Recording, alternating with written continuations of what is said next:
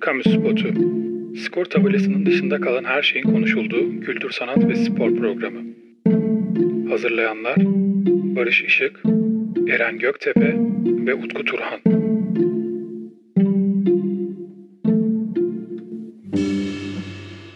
Selamlar Kamu Spotu'nun yeni bölümüne hoş geldiniz. Efendim çok değerli arkadaşlarımla birlikte bu hafta da kendi kamu spotlarımızı sizlerle paylaşacağız. Ve bu hafta çok değerli, çok kıymetli bir yazarla, e, çok kıymetli bir yazarı konuşmayı istiyoruz. Konuşma hevesindeyiz. E, Aziz Nesin'i konuşacağız efendim. Benim çocukken onun kitap serisinde olan Ah Biz Eşekleri okumuştum. İlk okuduğum kitaplardan biridir ve hikayecilik kısmında benim etkilendiğim yapı taşlarımdan biri olduğunu düşünüyorum. Ee, Barış abi dilersen senle başlayalım. Çünkü sonuçta biz bir por kültürü üstüne seri yapıyoruz. Aziz Nesin'i neden seçtik? Neden bu hafta onu konuşmak istiyoruz? Senden hem Aziz Nesin'in de e, kendisiyle ilgili bilgileri hem de neden onu seçtiğimizi alarak giriş yapmış olalım. Ben o zaman girizgahımı Aziz Nesin'e ait bir şiirle yapayım. Kim demokrasi derse sırtımıza taşırdık. Onları taşımaktan sabrımızı taşırdık. Ne aklımız vardı ki onun da şaşırdık. Eloğlu bayram eder bize kalmış orucu. Ne sağcıyız ne solcu, futbolcuyuz, futbolcu. Evet Aziz Nesin'in e, Türk Edebiyatı'na kazandırdığı birçok e, önemli eserlerden bir tanesi de bu şiir. Daha doğrusu yani bu daha uzun bir şiir ama ben size sadece bir e, mısrasını okudum. E, şimdi kendisinin öncelikle sporcu kişiliğinden birazcık bahsedelim. E, tabii ki Aziz Nesin ismi ilk e, akla geldiğinde, duyulduğunda e, birçoklarının e, sadece yazar olarak ya da işte gazeteci olarak belki kendisiyle alakalı e, bilgisi vardır diye düşünüyorum ama e, şöyle ki Kuleli Askeri Lisesi'nde öğrenciyken güreş yaptığını ve hatta üstüne üstelik 56 kiloda bir de madalya kazandığını söyleyerek ben sözlerime başlayayım. E, tabii ki e, bunu ilk duyduğumda ben çok şaşırmış, şaşırmıştım. Eminim dinleyicilerimiz de bilmiyorlarsa şaşır, yani şu an şaşırmışlardır diye düşünüyorum. E, bunun dışında jimnastik ve eskrim de yapmış. Yani sadece güreşte de kalmamış yazarımız. E, ancak futbolu hiç denememiş.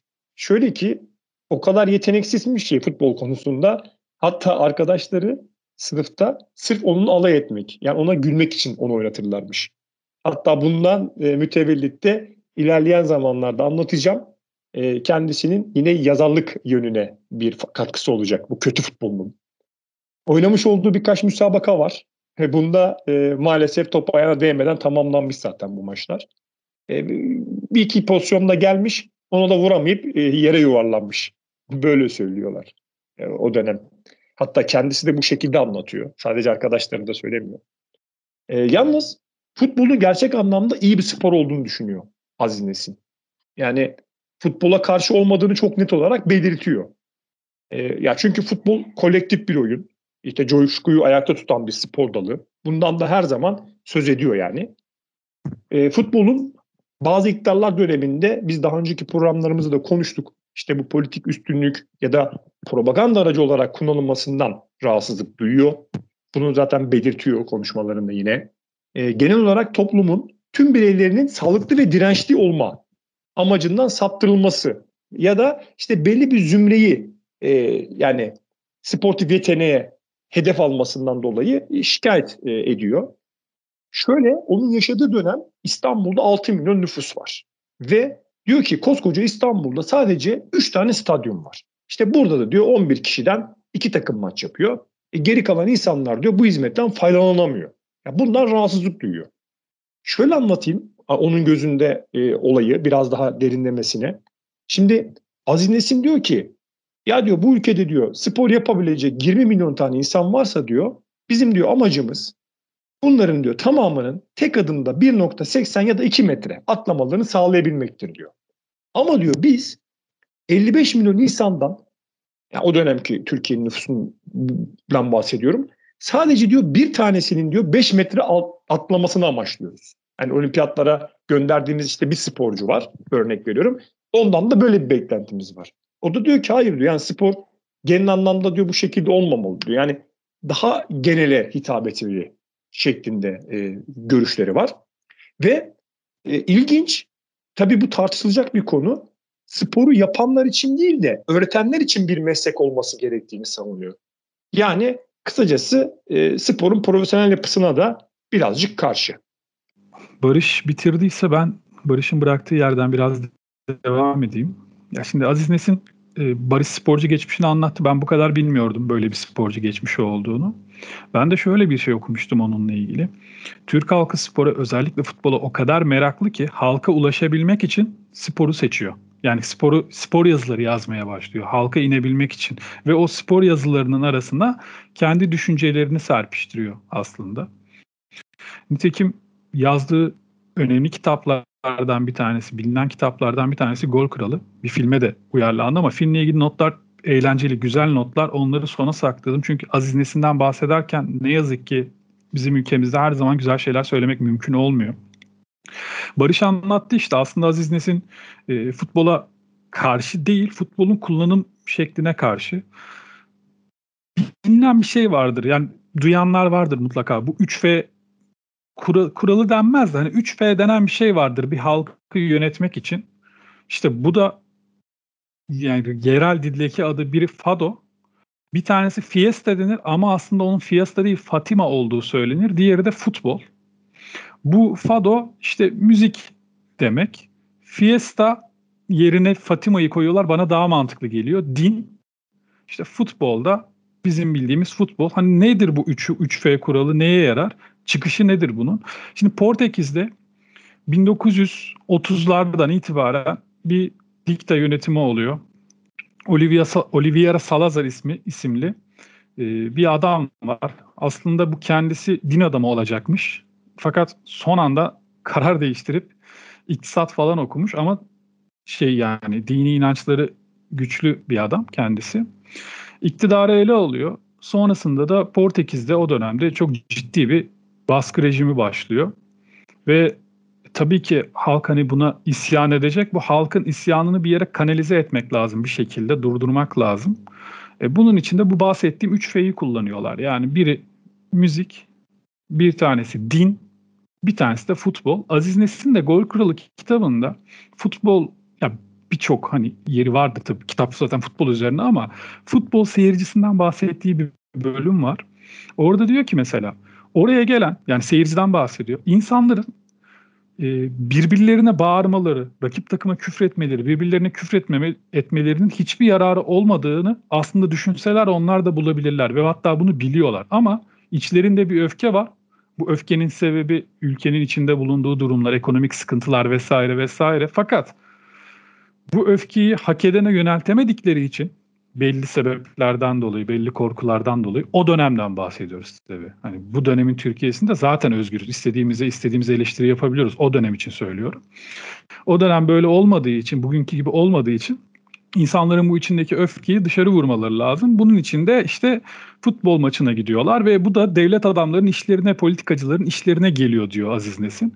Çünkü birikmiş olan bütün öfke, bütün coşku orada açığa çıkıyor. Ondan sonra halk ertesi gün sabahın köründe kalkarak işte 3 kuruşluk maaş için işlerine tekrar gitmeye devam ediyorlar ve buna isyan etmiyorlar. Ee, tabii tekrar söylüyorum bunların hepsi o dönem için geçerli. Günümüzde zaten bu ülkede futbol bu kadar önemsenen bir şey değil. Futbol takım taraftarları böyle kendi aralarında kavga falan etmezler asla günümüzde. Protestonun muhatabı kimse günümüzde artık oraya yöneltiliyor ne mutlu bize ki o protestolar.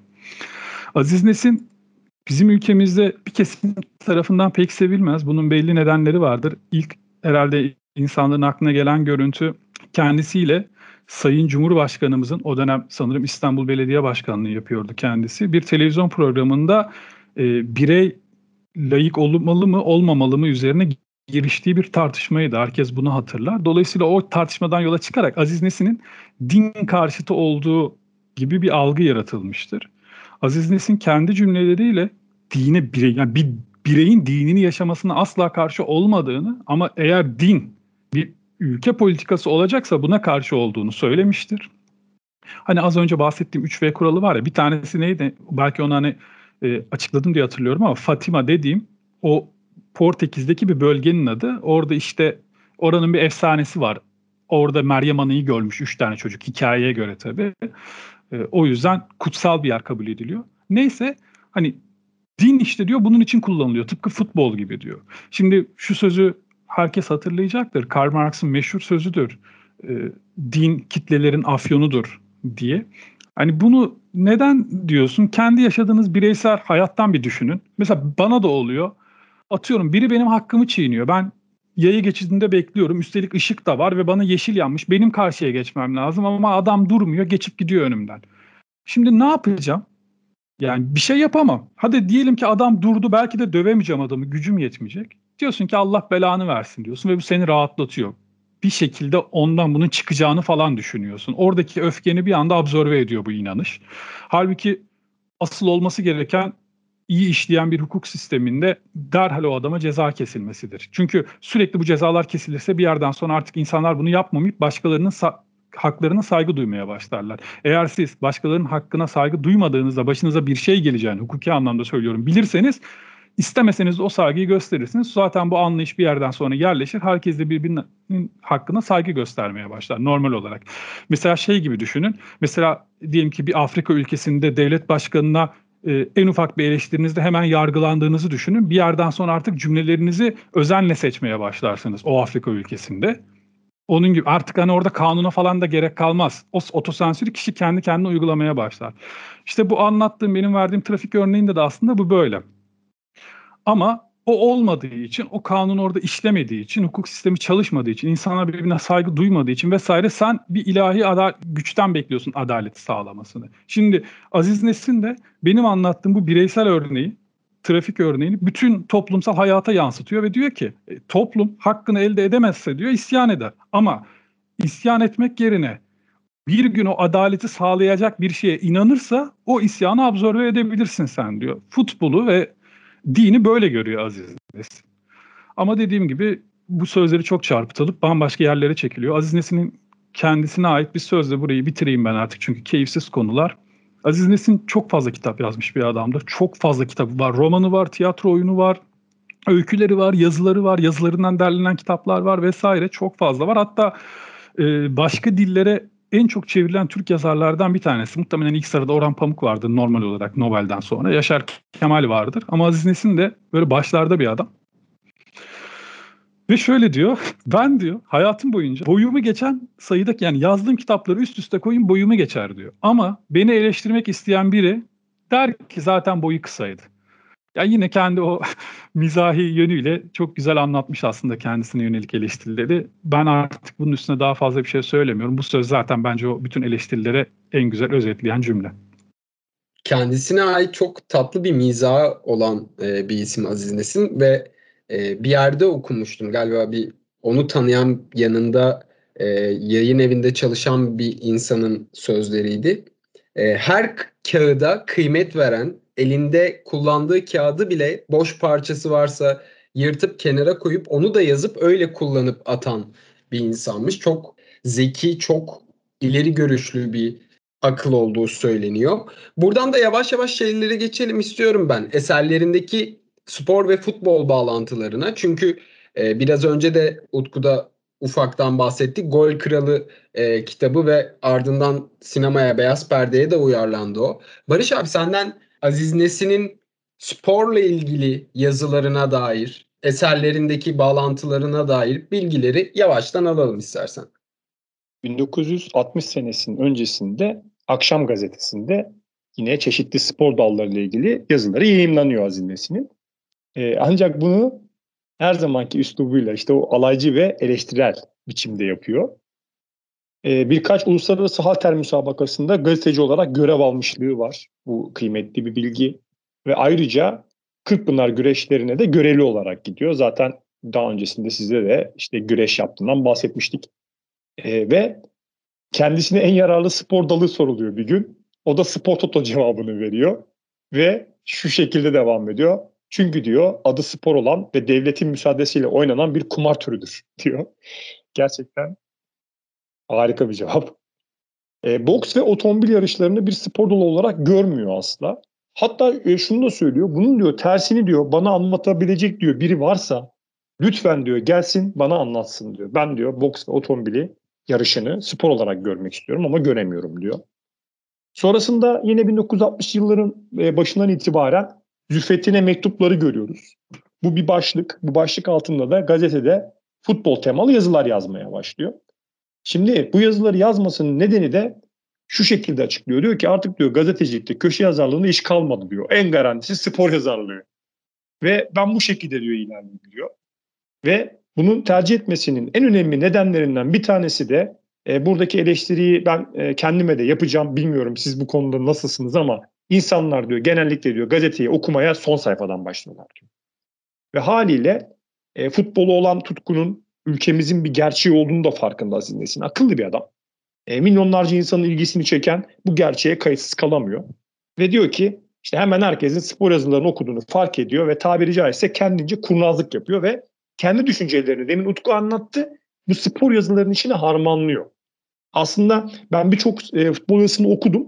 Yani okuduğunuz zaman yani maç analizi gibi duruyor ama abi ülkenin gerçekliklerini böyle çatır çatır tokatlaya tokatlaya anlatıyor adam. Yani muhteşem bir şekilde ama tabii siz yazıyı okuduğunuzda futbol yazısı okuduğunuzu zannediyorsunuz. Ee, şöyle bir özelliği var. Ee, gazeteciler biliyorsunuz yani maçları ağırlıklı olarak işte kendilerine ayrılan bu basın tribünden izlerler ama Azines'in tercihini halkın içinde olmaktan yana kullanıyor. E, bunu da şöyle açıklıyor. Seyircileri seyretmek diyor maçtan daha önemlidir diyor. E, bu arada ben de çok severim arkadaşlar. Bir futbol maçına gittiğimde e, taraftarları izlemeye bayılırım. Yani bunu e, inkar edemeyeceğim. E, Azines'in e, futbola ilişkin anılarını ve öykülerini yazmış olduğu kitaplarda fazlasıyla görmek mümkün. İşte 1957 yılında e, İlhan Selçuk'un çıkarmış olduğu bir günlük bir gazete var. Orada Gol Kralı Sayit Hopsayit adında bir spor romanı yazı dizisi başlıyor. Ve bir anda e, abi bu yazı dizisinden sonra gazetenin tirajı artıyor ve e, bu yazı dizisinin kahramanı olarak da işte e, öncesinde anlatmıştık ya futbolda ne kadar beceriksiz olduğunu. İşte bu beceriksizliğin verdiği aşağılık duygusunu aslında burada anlatıyor.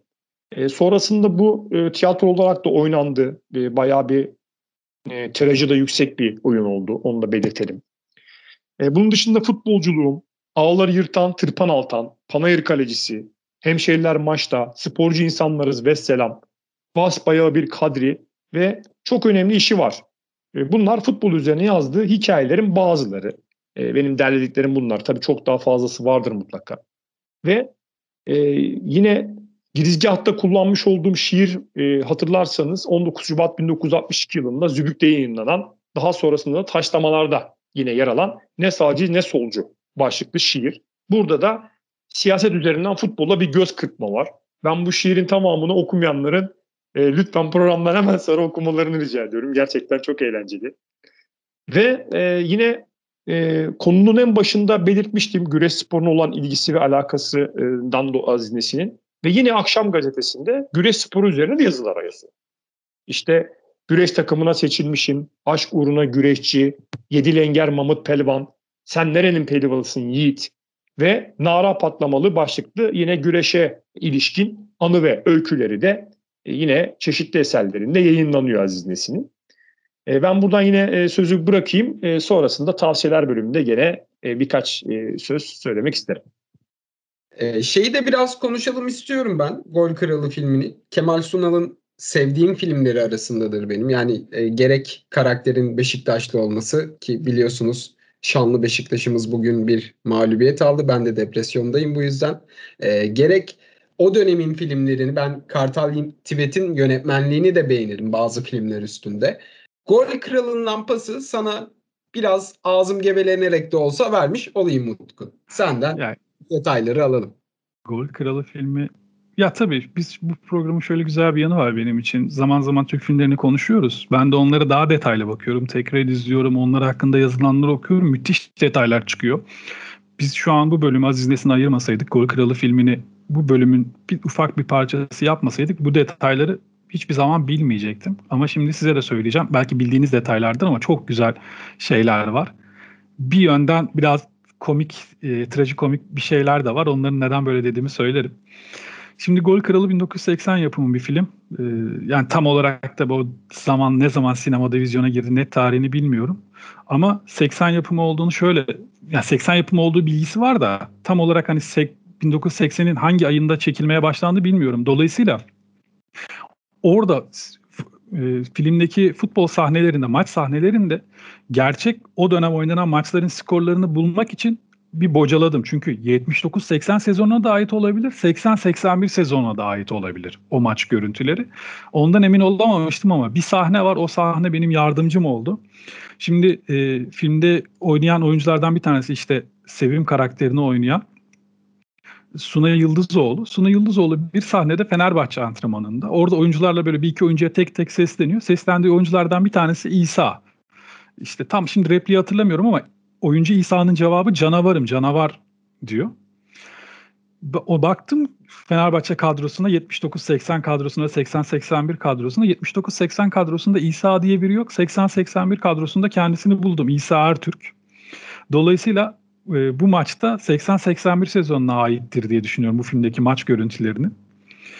E, Kemal Sunal'ın göründüğü işte Fenerbahçe Beşiktaş maçı yani final filmin artık kapanış sahnelerinden bir tanesi gerçekte Fenerbahçe'nin 1-0 kazandığı bir maçmış e, Twitter'da ve yine şey Twitter'da diyorum gerçekte Fenerbahçe'nin kazandığı 1-0 kazandığı bir maçmış. Filmde tabii öyle bitmiyor orada Sait karakteri Fenerbahçe'yi mahvediyor adeta.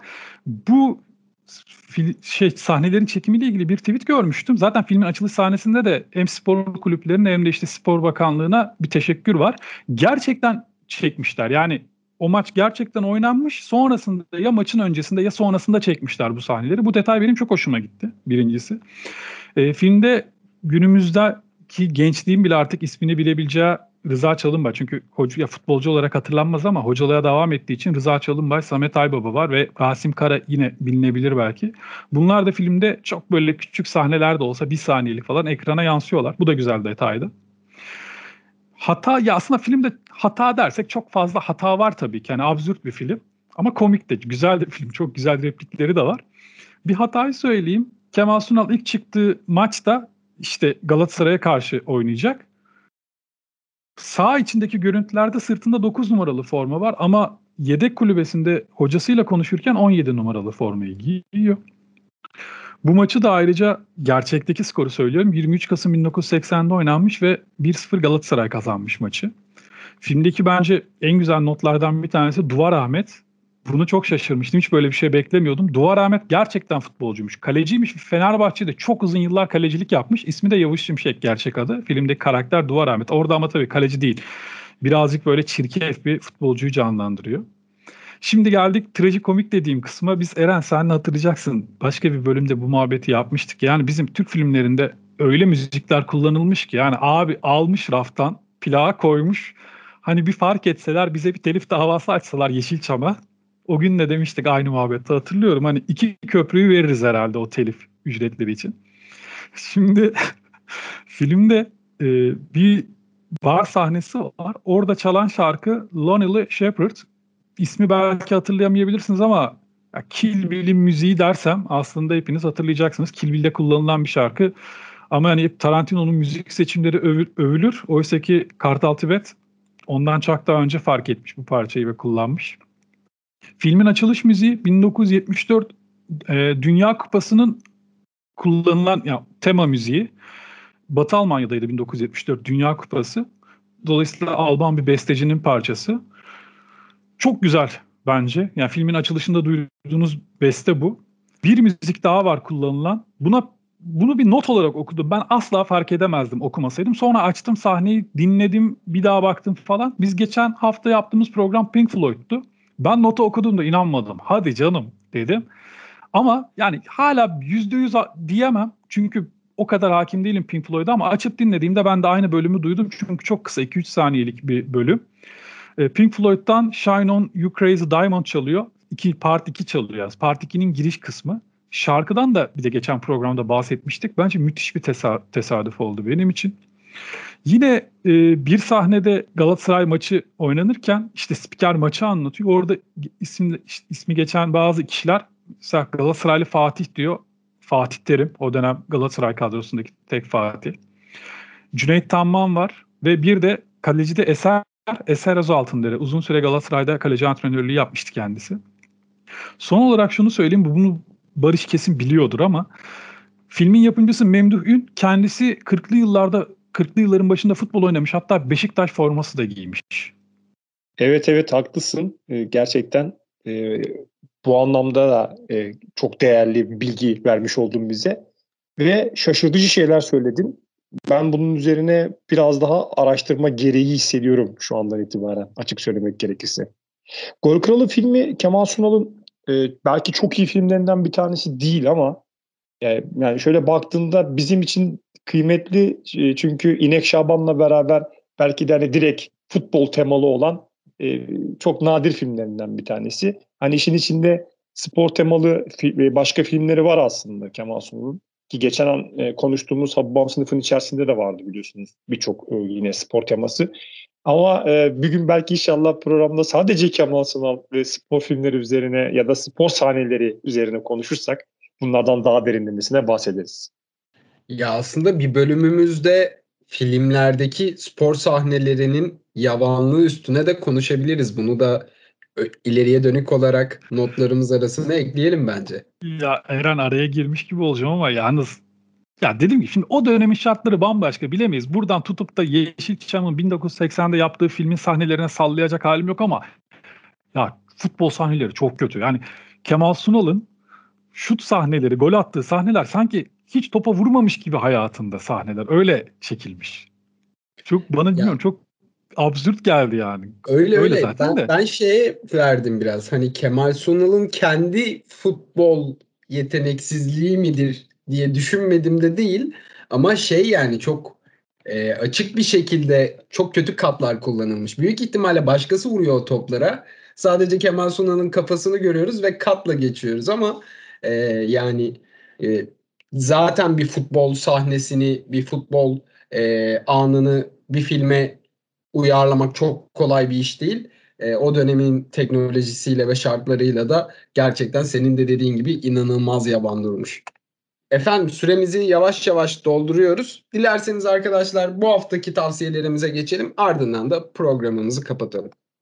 Bu hafta ben bir tane tavsiyede bulunayım. Hani konuşmamın ortasında Portekiz'deki bu işte 3F ile ülke yönetiminden ve bir diktatörden bahsetmiştim Oliveira Salazar. İbrahim Altınsay'ın 2010 yılında Radikal gazetesinde yazdığı bir yazı var. Yazı internette bulabilirsiniz. Yazının adını söyleyeyim. Google'a yazdığınızda bulacaksınız. Portekiz'deki bir Türk takımının sanırım Beşiktaş'tı. Çok ondan çok emin değilim. Portekiz'deki bir maçı sırasında yazdığı bir yazı. Yani o maça dair yazdığı bir yazıda bu Portekiz'deki dikta yönetimine vesaire değinmiş. Bu 3F'nin açılımını da detaylı şekilde yazıda bulabilirsiniz. Yazının başlığı Avrupa'nın iki ucunda İbrahim Altınsay e, 2010 yılında yazmış. E, benim tavsiyelerime gelince de e, şimdi Nesin Yayın Evi e, biliyorsunuz vakıf olarak Aziz Nesin'in kitaplarını yaşatmaya devam ediyor. Sağ olsunlar e, bu konuda çok önemli bir misyon üstlendiler. Ve sadece onun kitaplarında değil, onun yazılarından daha sonradan derledikleri kitaplar da meydana çıkıyor. Bunlardan bir tanesi e, Aziz Nesin'in Sporcu Milletiz ve Selam ismiyle çıkartıldı. Aslında bu e, Sporcu Milletiz ve Selam onun bir öyküsü. E, ama e, işte diğer spor yazıları ve öykülerini bir araya getirdiler ve e, bu şekilde bir kitap inşa ettiler. Kitabın kapağında da yine Aziz Nesin'in e, askeri okulda okurken e, bir jimnastik yaparken bir fotoğrafı var. Harika bir fotoğraf. İşte Ankara Harp Okulu'nda okurken daha doğrusu. E, fotoğrafta 30 Haziran 1937 tarihine ait. Hatta üzerinde de e, bu tarihte geçerli. E, ben bu kitabı e, öneririm e, okumanızı ve e, yine Utku'nun e, çok güzel bahsettiği e, Aziz Nesin'in Gol Kralı e, adlı romanı ve yine romandan uyarlanan Kemal Sunal'ın başrollerde oynadığı işte Kemal Kartal Tibet'in yönettiği Gol Kralı filminde ve eğer vakti müsait olanlar tekrar izlemelerini ben tavsiye ederim.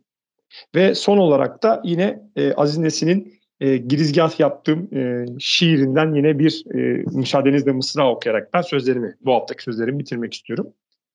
Yiğit malı meydanda işte servet beyanı, sayın bayın serveti koynundaki bayanı. Yoksul halka gelince denk atsın ayağını. Çünkü vergi ödemek onun boynunun borcu. Ne sağcıyız ne solcu, futbolcuyuz, futbolcu. Ee, güzel bir konuydu. Yani e, Aziz Nesin'i konuşmak aslında önemli bir şey. Sevdiğim bir e, yazar, sevdiğim bir düşünür kendisi. Ayrıyeten e, kendinin bıraktığı mirası oğlu Profesör Doktor Ali Nesin de çok güzel bir şekilde ilerletiyor. Nesin köylerini internetten araştırabilirsiniz efendim. Çok güzel e, komplike yapılar kurarak Türkiye'nin bilime ve sanata, felsefeye olan açlığını gidermeye çalışıyorlar. Bildiğiniz üzere bizim eğitim müfredatımızda önemsiz ve gereksiz konular bunlar ama böyle bir hayalleri, idealleri olduğu için bunun peşinden gidiyorlar. Kendilerini e, buradan ben tebriklerimi ileteyim. E, şunu da unutmamak lazım. E, ülkemiz şu anlarda, şu günlerde çok özellikle New York'ta Türkiye'yi açabilecek kadar ilerlemiş bir durumda. Fakat eskiden bu kadar ileriye dönük, bu kadar demokrasi ve hukuk içerisinde yaşayabilen bir ülke değildik. Aziz Nesin'in ışığından e, korkan ve rahatsız olan bazı insanlar e, Sivas'ta 35 kişinin ölmesine Aziz Nesin orada olduğu için Aziz Nesin'i öldürmek için yapmaya çalıştıkları katliamda şans eseri Aziz Nesin sağ kurtuldu fakat 35 kişinin de yanarak ölmesine sebep oldular. Yine de görüyoruz ki Aziz Nesin'i hala konuşuyoruz. Onun eserlerinden hala söz edebiliyoruz ve kendisini büyük ihtimalle bu cumhuriyet var olduğu sürece de anmaya devam edeceğiz. Bizden bu haftalık bu kadar efendim. Kendinize iyi bakmanızı, haftaya yine bizimle birlikte e, hafta sonunuzu kıymetli geçirmenizi diliyoruz. Eren sen kapanışı yaptın ama değindiğin konu benim aklıma bir şiiri getirdi. Bu da bir tavsiye olsun. Suna Yakın'ın Kova Kaleci şiiri. Şöyle bir bölümünü okuyayım, fragman olsun. Beğenirlerse şiirin tamamına bakarlar. Futbol takımında mahallenin kova kalecisiydi lakabım. İlk kez sevinecektim buna ama yalnızca avuçlarıma alabildiğim suyu bir kova gibi Sivas'a taşıyamadım. İstanbul'da Umraniye bir semt var. Orada bir çöplük vardı. O çöplük günümüzde patladı. Patladı. İnsanlar şaşırdı. Aa çöplük patlar mı? Şaşırdık kaldık. O insanlar, oradaki belediye başkanı, görevliler, memurlar hepsi biliyordu ki çöplük, bütan ve metan gazları yapar. Bu gazlar kendi bulundukları oyluğa sığmaz, patlatır. Mekanını patlatır. Nereden biliyordu? Ortaokul fizik kimya kitaplarından biliyordu. Niçin biliyordu? Niçin biliyordu? Sınıf geçmek için biliyordu. Öğretmen sorunca şakır şakır söylüyordu. Ama hayatta, yaşamda, yaşamda böyle bir şey yok. Orada patlayınca şaşırdı. Ağzı açık. Aa, toplumsal çöplük. Nasıl orada fiziksel çöpü biriktirdikse, her gelen belediye oraya çöp attıysa, çöpler birike birike yığılıp hac, bulunduğu hacme, bulunduğu oyuma sığmaz olup da patlamışsa, işte yıllardan beri parlamentonun, hükümetin güttüğü politikanın çöplüğü Sivas'ta patladı.